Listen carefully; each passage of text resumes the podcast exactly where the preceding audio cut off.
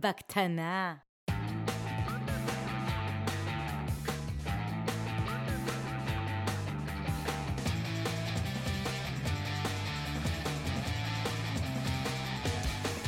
בקטנה. בקטנה. בקטנה. בקטנה.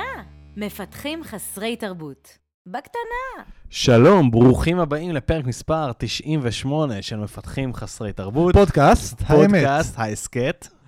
בקטנה מספר 30. 30 וואו. בקטנות, nice, nice. מה העניינים, יפתח בר? בסדר, אבי. איך? היה בלעדיי? וואי, האמת שקיבלתי איזה כיף פידבקים. היה. תקשיב, קיבלתי פידבקים כאילו של... אה, מה הוא עושה פה? מה מה הוא עושה בפודקאסט? אז אה, טוב, פעם קודמת שעשינו את זה, זה היה- זה היה עם מנחה אחר והוא עזב, אז אה, לך תדע מה יקרה עכשיו. נראה, לא סתם, אין נראה. תוכניות כאלה. אה, מה קורה? בסדר, אין- אין לך תוכניות כאלה. רק אני חותם פה על צווי פיטורים. האמת שהכל טוב, כיף לראות אותך, אני מרגיש שהרבה זמן לא התראינו, נראה כן, לי הרבה זמן לא זמן לא התראינו. התראינו. מה, עברת דירה? כן, כן. הייתי? בבידוד עצמי במעבר דירה. מה אתה אומר? לאיפה. עברת? לקריית אונו, עזבתי את תל אביב. מה אתה אני אומר? נפגע קורונה. ממש ככה. כן, כאילו, באמת, אמרנו, אין כבר, אה, אני לא רוצה לעשות אה, דיס לתל אביב, אבל אה, פתאום הבנו שאנחנו לא יוצאים. ספר. ספר אבל גם שאתה יודע שכאילו, קבעתי להיפגש פה בשמונה וחצי בערב. נכון. ואז אה, יצאת בשעה שמונה וחמישה מהבית, ואז כבר, כבר התחלת להתלונן, הפקקים וזה, אי אפשר להגיע. מה, לפה? כן. לא, הפקק היה בכלל ברחוב של- של המשרד שלך פה, מה זה? לקח 40 דקות להגיע מפה בקריית אונו. לא, אבל. סיפרתי לך, כי לא משנה. זה לא היה בפקקים. הפקק היחיד היה פה ברחוב של המשרד שלך. כל הדרך הייתה פנויה. תראה כמה מהר התרגלת לגור בקריית אונו. מה פתאום, הפקקים הם לא שם, קודם כל, אני יליד- קריית אונו, כן? אה, אני אוקיי. גדלתי שם כל החיים, זה יחסית אה, התרגלות אה, זריזה. זהו, אז מה מה קורה איתך? בסדר, אתם ב- אני יש. אתם במשרד בימינו, או ש... אנחנו עובדים בקפסולות. קפסולות? לא, בקפסול, בקפסולות. אה, בקפסולות, במירה או במילל? אני לא יודע אף פעם מה... אני לא יודע מה זה מילה. כן, כן, גם אני אני לא. אומר מה זה קפסולות. קפסולות זה כמו קפסולות, אבל הרבה יותר טוב. כמה אנשים? אה, אנחנו 30 אנשים בחברה, זה בערך חצי-חצי. משהו אה, כזה. סבבה. נייס. כן, זה לפי אה, סקוואדים. וכולם מגיעים, או שיש כאלה שבכלל מעדיפים לא להגיע? קודם כל, עכשיו ספציפית, כרגיל, כמו בתקופה של קורונה, יש לנו איזה שלושה-ארבעה בבידוד. Hmm. כי אתה יודע, הוא היה נחשף לזה, היא נחשפה מהגן, כן. וכל מיני כאלה, אז אה, אנשים בבידוד קצת. ומי שלא מרגיש בנוח, אה, לא מגיע, זה גם בסדר. מותר גם אה, לא להרגיש בנוח בתקופה הזאת. ומה אתה אומר? היה לנו לפני, מה זה היה? מרץ? מתי התחיל? אז הסגר שעשינו... בפ- מרץ, כן, עשינו פרק בזום. זה היה במרץ. מה, מה אתה אומר? דיברנו אז על אה, כל מיני דברים, על אה, לאן אה, עולם התעסוקה הולך, מה יקרה. נכון, נכון. שנינו היינו ש- קצת בגישה ש... לא יעבדו מהבית. שלא יעבדו מה פתאום, מהבית. מי עכשיו יתערב מהבית? השתגעת לגמרי. נו. ומה אתה חושב על זה עכשיו? וואו, זו שאלה מאוד טובה. קודם כל, הרבה הרבה מהרכשים שקורים הם סביב זה שכאילו כבר הוחלט, זהו, עובדים מהבית, נגמר. כן. זה לא, זה כאילו, ברור, העולם הולך לשם, נגמר הסיפור. ואני חושב ש... כאילו, תראה, יש חברות שמוכרות משרדים, בואו רגע נהיה בזה. אנשים הבינו שאין היה טעם לייב להחזיק... פרסון, היה כתבות ענק, שמעתי גם איזה פודקאסט עם המנכ"ל שלהם, שהוא נכון, מסביר כי- את הגישה. בדיוק, כי אם באמת אין טעם במשרדים, בואו נמכור משרדים. למעשה אפשר לקחת את הקורונה בתור הזדמנות, כי בואו נסכים על זה שבעיקרון אם מצליחים לייצר תפוקה גבוהה ועבודה טובה מהבית כחברה, זה יתרון מטורף לחברה, כי אפשר לגייס אנשים מכל מקום, נכון? כן. כי החברה יכולה לעבוד בצורה פרודוקטיבית בצורה אחרת, כי אפשר לא לשכור משרדים, מאוד מאוד משמעותי, כי אנחנו מתאים לעולם החדש. מהמם. אין ספק שיש יתרונות ענקיים בלהתרגל לעבוד מהבית. אחת המחשבות שלי, שעברתי לקריית אונו, זה אנחנו לפחות שנה עכשיו עובדים מהבית. אני באותו מחיר שאני משכיר דירה בתל אביב, אני לוקח דירה הרבה יותר גדולה וחדשה בקריית אונו, והחיסרון העיקרי הוא הפקקים. סוחר. סוחר אבי, לא סוחר, מזכיר. סליחה, נכון? אבל אין פקקים, כי אני עובד מהבית. לא, ברור, אין פקקים, נכון? אתה באמת עובד אז מהבית. פתאום זה אמרתי, זה כבר לא כזה קריטי שאני גר ליד העבודה ונוסע בקורקינט לעבודה, כי אני לא מגיע למשרד. נכון, נכון, אתה צודק. השאלה, כאילו, אם אתה חושב ש... אני אשאל אותך את אותה שאלה שש- ששאלנו אז, האם, זה באמת העתיד? תראה, עכשיו בפרספקטיבה של ארבעה חודשים, חמישה חודשים, גל שני. אני חושב שיהיה יותר חברות שעושות את זה. זאת אומרת, האחוז של החברות שעושות את זה יעלה. אני לא חושב שזה יהפוך להיות סטנדרט. מהמם. אני כן חושב שזה ייתן... נגיד, זה היה מעניין, כי, כי בהתחלה, אני, שרק עבדנו מהבית, זה היה... אני הרגשתי שזה לא מדהים, אבל עכשיו בקפסולות, בקפסולות, בקפסולות שאנחנו עובדים אה, אה, בעצם יומיים בשבוע או שלושה ימים בשבוע מהעבודה, מהמשרד, ויומיים מהבית, או שלושה מהבית, תלוי, כאילו כל פעם זה אהה. מחליפים איזה יום אחד, אמ, אני מודה שיש בזה משהו מעניין. זאת אומרת, זה, זה, זה לא רע. זה, יש בזה יתרונות, ואת היתרונות של המשרד ויתרונות של הבית בהרבה מובנים. נכון. ואם אתה מצליח להחליק את העבודה בצורה טובה, זה מתחיל להיות שילוב שהוא יותר מעניין. כן. אני הייתי מאוד נגד זה. אני תמיד הייתי נגד, תמיד לעבוד כלומר במשרד וכולי. אני מודה שיש יתרונות בלעבוד אה, גם יומיים בשבוע מהבית, כשמסונכרנים, כשהחברה מסונכרנת על זה. נכון. מה שאני הייתי נגד מההתחלה, שחלק בפגישה במשרד וחלק בפגישה בבית. זה תמיד הייתי נגד, אבל מה שעוד אני לא אהבתי, לא אהבתי נגיד ש, שבתקופה לפני הקורונה, שיום ראשון זה שני אנשים עובדים מהבית, יום שני זה שני אנשים עובדים מהבית, יום שלישי, לא אהבתי את החוסר סנכרון. כשזה בא בסנכרון, זאת אומרת באופן מסונכרן, שתמיד יש חלק פה, חלק שם, אני מודה שיש לזה יתרונות גדולים ואפשר לעבוד ככה. מה שכן אני מרגיש אצלנו, ודיברנו על זה ממש לאחרונה, שהתרבות נפגעה. זאת אומרת.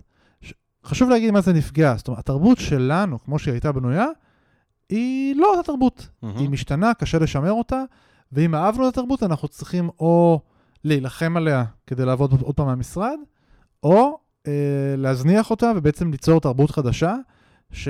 שיכולה להתערבב עם הסיפור הזה של עבודה מהבית, כי פתאום לא כולם רואים את כולם. אתה רואה פחות אנשים. מהמם. אז אתה מייצר אתה אין לך תת-תרבויות. אינטראקציה בכלל עם, עם אנשים, לא מהאנשים. בצוותים או נכון.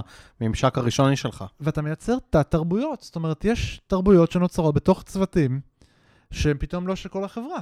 עכשיו, יכול להיות שזה גם עניין של חוויית גדילה אצלנו, כי גדלנו בעצם מאיזה 20 אנשים ל-30, בתקופת הקורונה, כן, יצא ככה.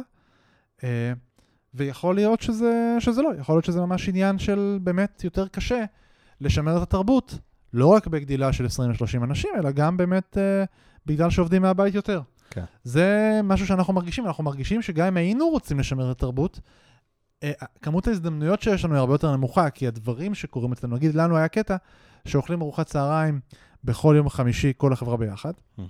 וזה היה, זה היה מין אה, הדגמה של התרבות, וכאילו כל ה vibe היה קורה, והיה בדיחות פתאום פנימיות, והיה הרבה דברים ש, שמתרחשים בתוך החלל הזה של ארוחת צהריים, וזה לא קורה כבר חמישה חודשים. כן. ולמעשה כל העשרה האנשים החדשים שהגיעו, לא חוו את זה מעולם. לא חוו את זה מעולם. אני חושב שזה, לדעתי, האנשים החדשים שהגיעו, זה העניין. זה, כש, כשהיינו ככה שבועיים בבית, חודש בבית, אז כולם אמרו, וואלה, פרודוקטיביות נשמרת, לא צריך בכלל משרד פה ושם, אבל אנשים שכחו שהאנשים שעובדים עכשיו מהבית, הם מכירים אחד את השני. הם עבדו המון המון זמן לא מהבית. הם, היו להם המון הפסקות קפה, היה להם המון אינטראקציה שלא חלק מהעבודה. פתאום אנשים חדשים שמגיעים, מעולם, יש אנשים שאני עובד איתם בממשק ראשון. מעולם לא ישבתי איתם להפסקת קפה, לדבר כאילו סתם על דברים אישיים, או ארוחת צהריים, דברים שהיו קורים במשרד, ומייצרים המון trust ו- ו bonding נכון. שעוזר לעבודה ביחד. עכשיו אין את זה יותר, את הדבר הזה, ואני, ואני חושב שזה זה, זה אישור מאוד אה, רציני. אתה יודע מה מעניין? אצלנו אני מרגיש שיש חלוקה לשני סוגים של אנשים שהתחילו לעבוד אחרי תקופת הקורונה. היה את אלה שהתחילו ממש בהתחלה, ואז היה לנו תקופת סגר, נכון? איזה חודשיים בבית. כן. האנשים האלה דווקא הצליחו לספוג חלק מהתרבות, לא את הכל, בצורה יותר טוב, בצורה די טובה. כי מה קורה? כי הם אלה שהתחילו לעבוד אצלכם לפני הסגר? ממש בתחילת הסגר. ממש בתחילה. קצת לפני, זה לא משנה אם אתה שבוע לפה, שבוע אה, לשם. הבנתי. למעשה, אלה ש... שבתקופה שעבדנו רק מהבית. והתחילו לעבוד אצלנו, ובעצם עבדו רק מהבית, למעשה לא באמת ראו פיזית אף אחד מהאנשים. יש לנו מישהו מאוד מאוד גבוה שהגיע לעבוד אצלנו, וממש כשכאילו ראו אותו פעם ראשונה במשרד, אמרו, לא, אתה יודע, לא בזום, אתה לא נראה גבוה. כן. והאנשים האלה שהתחילו בעצם אה, אה, לעבוד, הם ספגו יותר טוב, יותר טוב את התרבות, כי, כי קשה להביא את עצמך. הרי איך אתה משפיע על תרבות? אתה, אתה מביא גם את עצמך, ואז אתה משפיע על התרבות. הם לא הצליחו להביא את עצמם כל כך. זאת אומרת, הם הרבה יותר ספגו. ומה השיחות שקרו בתוך הזום, בשיחות המשותפות של כולם? הדברים היותר פנימיים, אנשים שכבר מכירים אחד את השני, הדינמיקות, הרי קשה לקרוא את, ה, את, ה, את הדברים, אז, אז הם היו הרבה יותר שקטים והרבה יותר ספגו.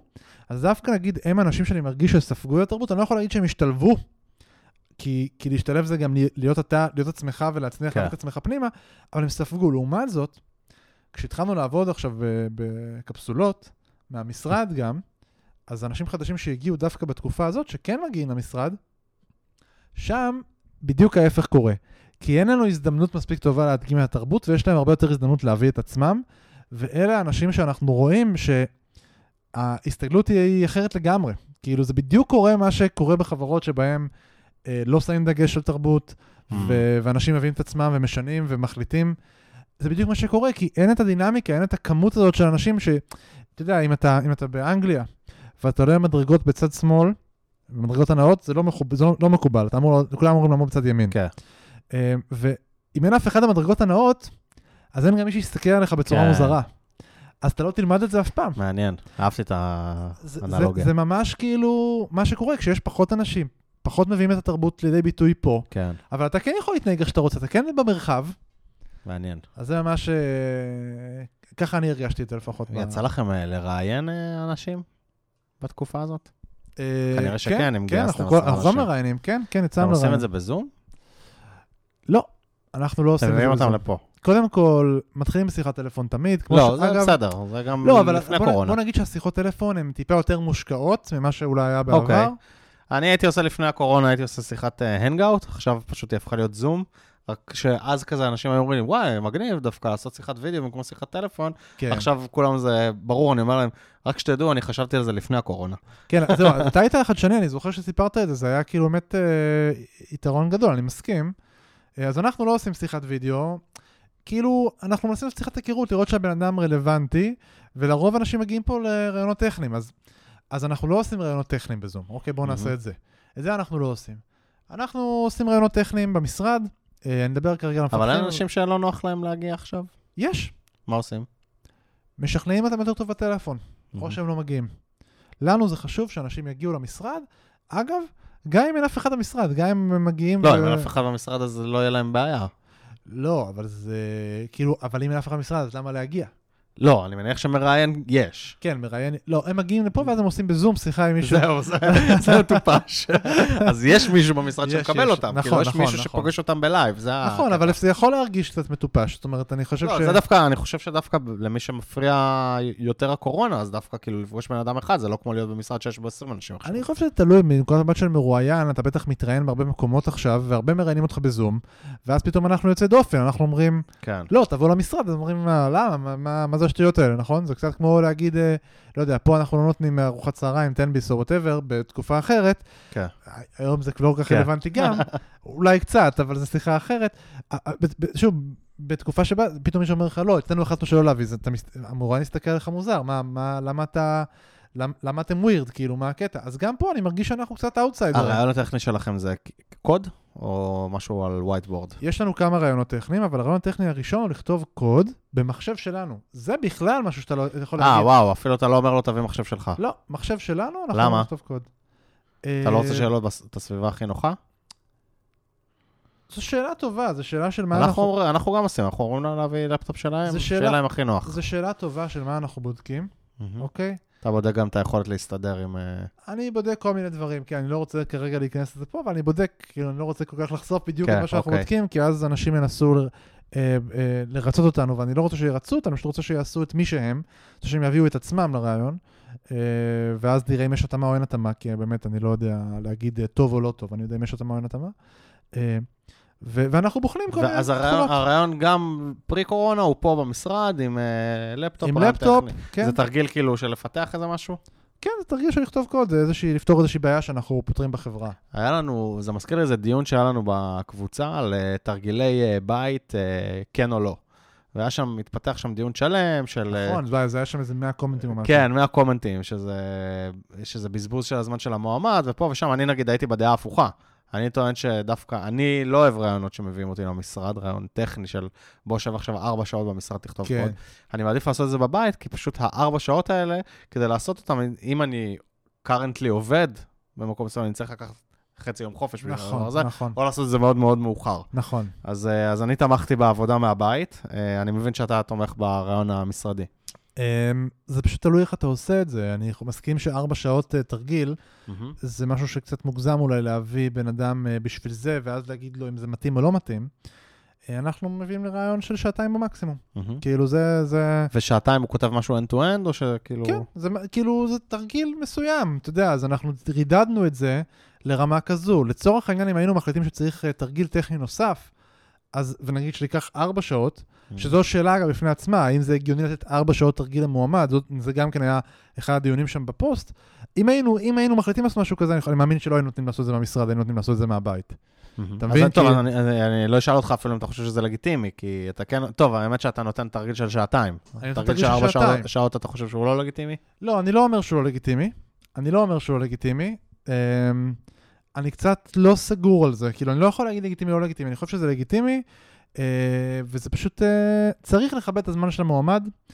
אה, הבעיה... מצד בת- שני, אבל כאילו מועמד אה, לא נכון לחברה, עולה המון כסף. אתה פאונדר של חברה, אתה יודע את זה. גם, גם למועמד, אגב. אה, גם למועמד. ברור, ברור, אבל, אבל אני חושב שכאילו בסוף, אה, אנחנו משכורות מאוד יפות בהייטק אני- וכולי. אתה- אני אספר לך סיפור, בסדר? כן.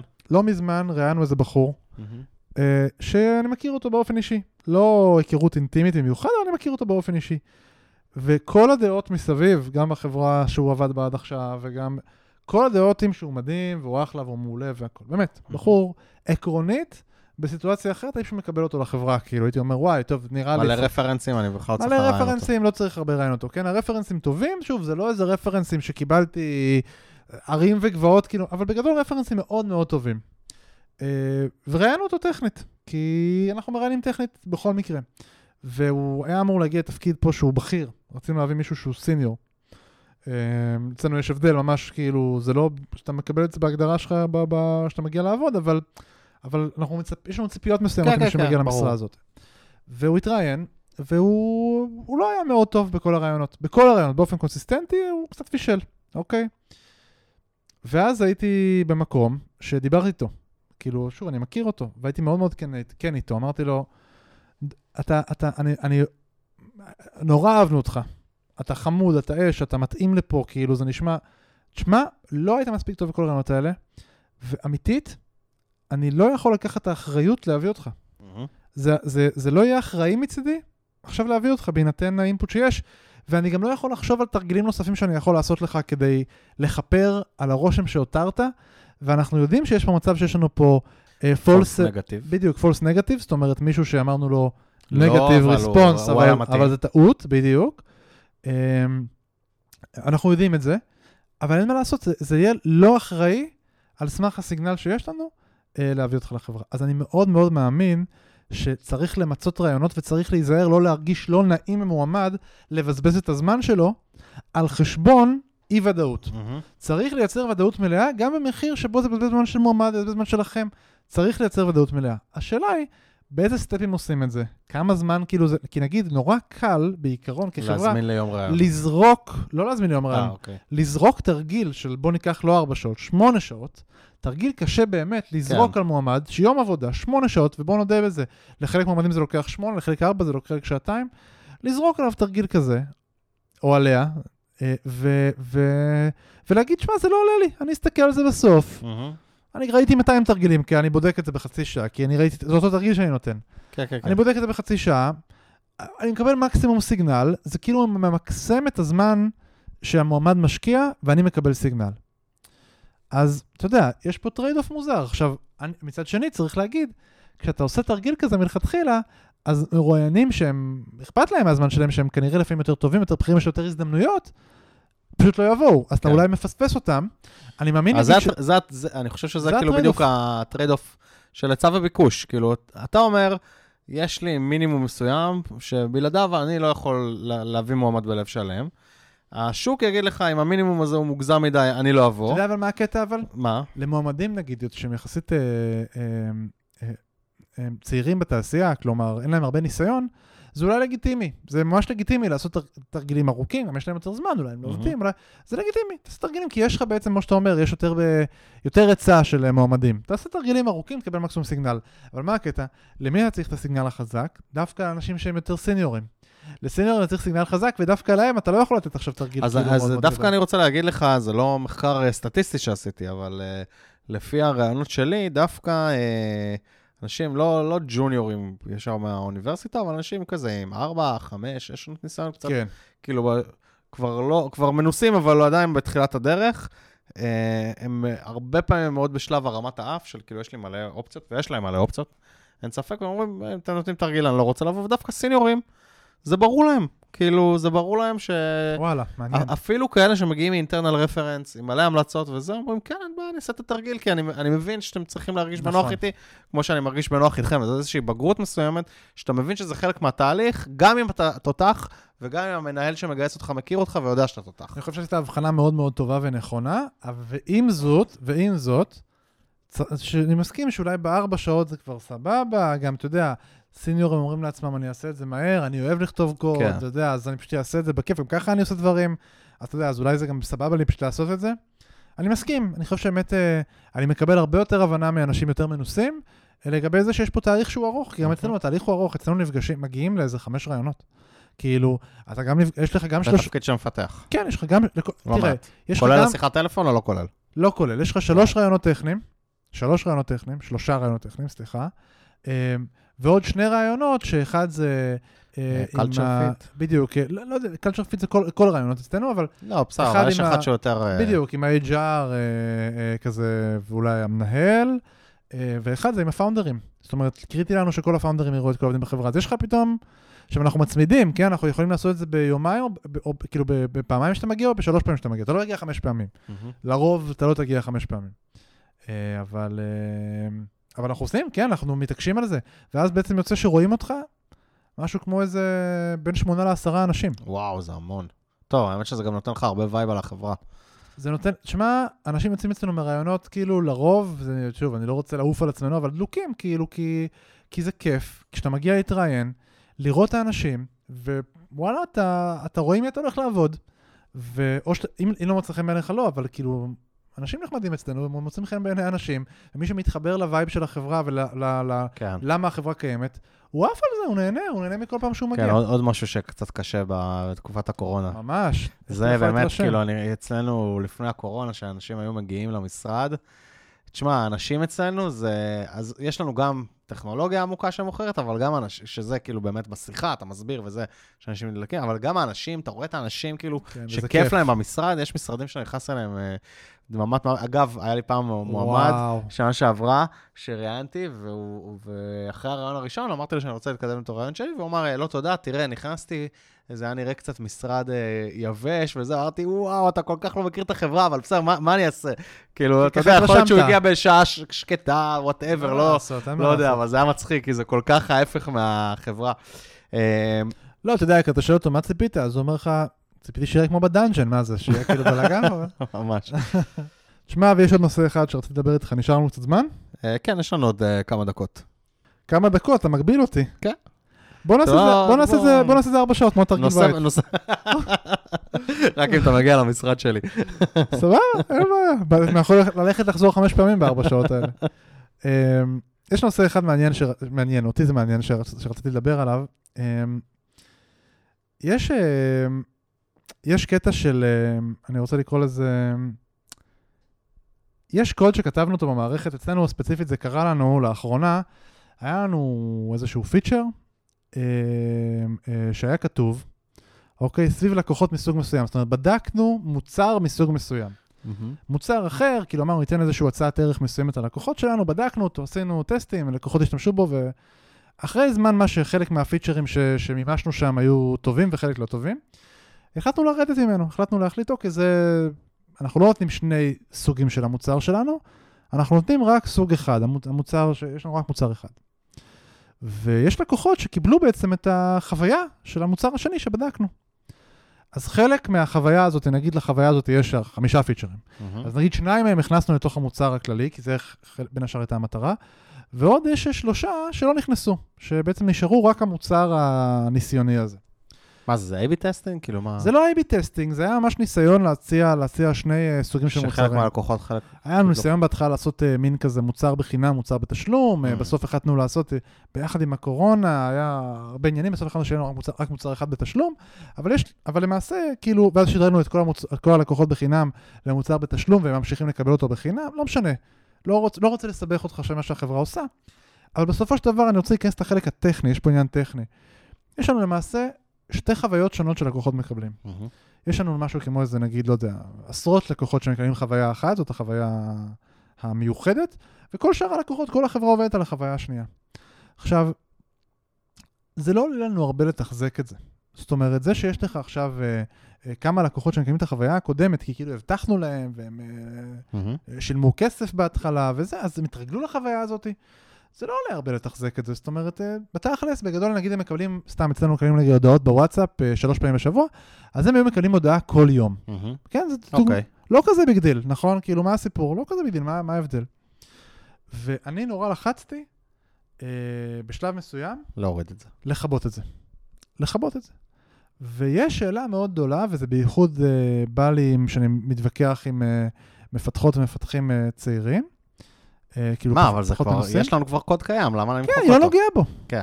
אני לא נוגע בו. אני לחצתי למחוק את הקוד הזה, כאילו, יש לך פיצ'ר, אתה לא רוצה, אל תשתמש בו, אבל כן, הוא מה קיים, הסיפור? למה אני הוא קיים. מחוק אותו? יש שאלה, מה, מה זה עולה לי? מה הסיפור? מהמם.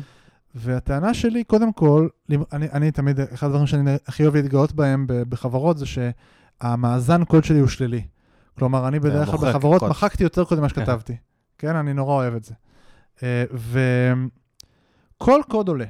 זה מה שחשוב להבין. כל קוד עולה, גם כשהוא לא עולה. גם כשאתה לא רואה, כל קוד עולה. כל, אני אגיד יותר מזה. כל if בקוד עולה. והראיתי. את זה לאחד ה, אחד העובדים שלי, כשבעצם רציתי לממש איזשהו משהו חדש, ופתאום, הופ, נתקלתי שם באיזה בעיה, כי יש שם איזה איף מסועף, ועכשיו אני צריך להיכנס אליו ולנסות להבין מה הוא אומר, ומה תהיה החוויה הלקוחות האלה, מה תהיה החוויה הלקוחות האלה. כל הפיצול הזה, כל הסיפור הזה, הוא עולה. הוא עולה קוגניטיבית. זה, זה עולה קוגניטיבית, זהו, בדיוק. זה המאמץ המנטלי שאתה צריך כדי להיכנס לקוד, לקרוא אותו, הוא, הוא אקספוננציאלי, כי נכון. על כל, כל הסתעפות, זה, אתה מכפיל את, ה, את כמות כאילו, האפשרויות שיש לך בקוד. אבל אמרו לי, כאילו, מה הסיפור? אם תהיה בעיה, תשבור את זה. פשוט תשבור, בסדר, אז לא, אז החוויה תישבר, הכל בסדר, אז נעביר אותם בחזרה. לא, אבל מישהו התלונן, נכון? זה לא משנה אם מישהו יתלונן. אוקיי. הנקודה היא שכאילו, זה, זה לא מבחינתי לסיים את העבודה, עד שאתה לא מוחק את הפיצ'ר, כי מבחינתנו היום צריכים, אתה צריך כל, אנחנו כמפתחים, צריכים כל הזמן לאתגר, אני, ולשאול, האם אפשר להוריד את זה, האם אפשר לוותר על האיף הזה. כל הסתעפות בקוד עולה. אני ממש אמרתי למפתחים שלי, אתם מבחינתי לוחמי איף, זה מה שאתם עושים. אתם צריכים להיאבק באיפים במערכת, יש מינימום איפים במערכת, תמיד צריך כמה שיותר, שיהיה פלואו אחד בלבד. זה מצוין, לוח- שלא לוחמי יהיה שום איף בקוד. יש איף? לא, לא צריך את האיף הזה, לא צריך אותו. אני זה ברמה, אני מגיע לרעיון עבודה, ואומרים לי, תעשה פור מ-1 עד 100, וב-23 תדפיס אה, משהו אחר, אני אומר, בשביל מה צריך ב-23 שאני אדפיס? בוא נעשה 1 עד 100, עזוב אותך, לא נדפיס, בשביל מה צריך את האיף הזה? בוא נעזוב את האיפים, אוקיי? וזה זה קטע, זה קטע חזק כאילו, כי ה, ה, זה לא קונספט שקל לעכל אותו לפני שיש לך מספיק ניסיון וראית מספיק דברים. אבל הקונספט הזה של להגיד, חבר'ה, יש פה איף, ואני מדבר אגב על כל סוג של איף, כי אני לא מדבר רק על איף שהוא אשכרה איף, כן. כן? כל הסתעפות בקוד, כל מה שיש לנו, כמה לואיקות שונות שאנחנו מבצעים עבור משהו. יש שאלה, האם באמת יש צורך בדבר הזה? כי ברגע שאנחנו מורידים את זה, אנחנו מייצרים פוקוס. ברגע שאנחנו מייצרים פוקוס, אנחנו מייצרים תשתיות יותר טובות מעל הפוקוס הזה. אנחנו מתמקדים בעיקר ולא בטפל. אין שאלות, אין ויכוחים. הכל יורד בצורה אקספוזנציאלית, או עולה בצורה אקספוננציאלית, ברגע שאתה בעצם אה, עושה יותר או פחות איפים. נכון. אה, וזה... וואי, הזכרת לי כמה אנקדוטות. גם הזכרת לי שבאוניברסיטה היינו צריכים כזה להתחלק לזוגות ולממש איזשהו מבנה נתונים, נדמה לי עץ אדום שחור, שזה אחד המבנה נתונים הכי מסובכים. אז אני אומר, בשביל מה אדום שחור? זה עץ אדום. לא, אז uh, אני כאילו, היה לי, כשהייתי בתואר, הייתי כבר עם איזה חמש שנות ניסיון בפיתוח, מהצבא וזה, ועבדתי עם מישהי שמעולם לא פיתחה אולי איזה סקריפט, אבל לא יותר מזה, ועשינו את זה, אני עושה לה, זה לא טוב. עושה לי, למה? זה עובד. אמרתי לה, יש פה יותר מדי if ים, זה מסובך מדי, אני לא, לא יכול להבין מה קורה פה. נכון. והיא לא הבינה מה אני רוצה, אמרתי לה, הקוד, לא צריך שיהיה לו הרבה if ים. אנחנו עושים פה משהו לא טוב, אנחנו גם יורדים, עזבי שיורידו לנו נקודות על זה, אנחנו לא, משהו לא עובד פה, יש איזה מצב קצה שלא יעבוד, וגם יורידו לנו נקודות, זה מסובך. וגם אה, הזכרת לי, יש, אה, אתה מכיר את, אה, את הקונספט של code retreat? בטח. שעושים כזה, לוקחים איזושהי משימה, נראה לי שהזכרנו את זה מתישהו בפודקאסט, אבל... אני אני. אפילו הזכרתי את עוד זה. שנייה, זהו, עוד שנייה מהדברים. 100 פרקים, אז לא משנה. אני אזכיר, אני אזכיר את זה שוב. אה, זה כזה קונספט שאתה לוקח איזשהו תרגיל, זה נקרא Conway's Game of Life, בדרך כלל עושים, ועושים נכון. כל פעם, מתחלקים לזוגות, שלושת רבעי שעה, אתה צריך לפתור את התרגיל הזה, את אותו תרגיל כל הזמן, אבל כל פעם עם איזשהו constraint או איזה משהו אחר. נכון. ואחד ה constraint ים שהכי אהבתי כשעשיתי את זה בפעם הראשונה. בלי if ים. בלי הכי וואי, איזה מדהים. יש לך כל מיני דרכים לעשות את זה, נגיד עם, אה, עם, אה, עם אה, השמפ שמחליט מה הצעד הבא, יש לך שם שלושה צעדים, תביא לי את האינדקס בהשמפ הזה וזהו, יש לך שם כל מיני דברים כאילו ממש מגניבים שאתה יכול לעשות, בלי איף, וכאילו, אתה יודע, בהתחלה ניגשתי לזה, אז הייתי, לא יודע, נגיד, הייתי יחסית צעיר בתעשייה, ואני כזה, איך אפשר בלי איפים? כל הקטע זה שאם יש לך משבצת לידך, אז אתה הורג את התא, אחרת, נכון. מי שלא מכיר את המשחק, זה כזה משחק של תאים חיים ומתים שמסביבך, אם יש לך שני נכון, תאים, לפי אז אתה הורג... חוקיות, יש דורות. החוקים, מלא נכון. חוקים. אז איך אתה יכול לעשות את כל החוקים האלה בלי איפים? ואתה יכול, אתה זה. מגניב. אה, יפה, אהבתי. כן, זהו, נראה לי שהגענו לסוף. יופי. האמת שכאילו זה נתן לי רעיון. נראה לי כאילו, באמת אנחנו עכשיו מדברים הרבה, נחזור לתחילת הפרק והקורונה, על איך עושים גיבוש ודברים כאלה, אולי אני אעשה קוד רטריט. זה... אה, אני ממש מציע, אגב, להיות למאזינים שלנו. לקרוא, אה, קוד האמת שבזום זה יכול להיות ממש מגניב, אני ממש מציע. לקרוא, יש קודרטריט.org לדעתי, כן. אה, אפשר לארגן את זה. תביאו אגב את אבי, אה, להעביר לכם את זה, הוא ישמח. יש לי זמן פנוי. כן, יש לו זמן פנוי, הרי מה הוא בסך הכל עושה? בסך הכל כן. אה, אבא וגר בקריית אונו, מה עושים שם? כלום. לגמרי. אה, טוב, חברים, אה, חפשו אותנו בפייסבוק, מפתחים חסרי תרבות. הקבוצה, אה, אתם מוזמנים להעלות שם שאלות, אנונימיות, לא אנונימיות, לשאול אותנו שאלות כשבאים אורחים, תנו לנו דירוג ב iTunes, מזמן לא עשיתם את זה. נכון, או שאתם יכולים לחפש אותנו גם בטוויטר, ששם הכל קורה. שם כמעט הכל קורה, כן, וזהו, נתראה בפרק הבא. יאללה ביי, שיהיה יום קסום, יום ביי ביי. קסום.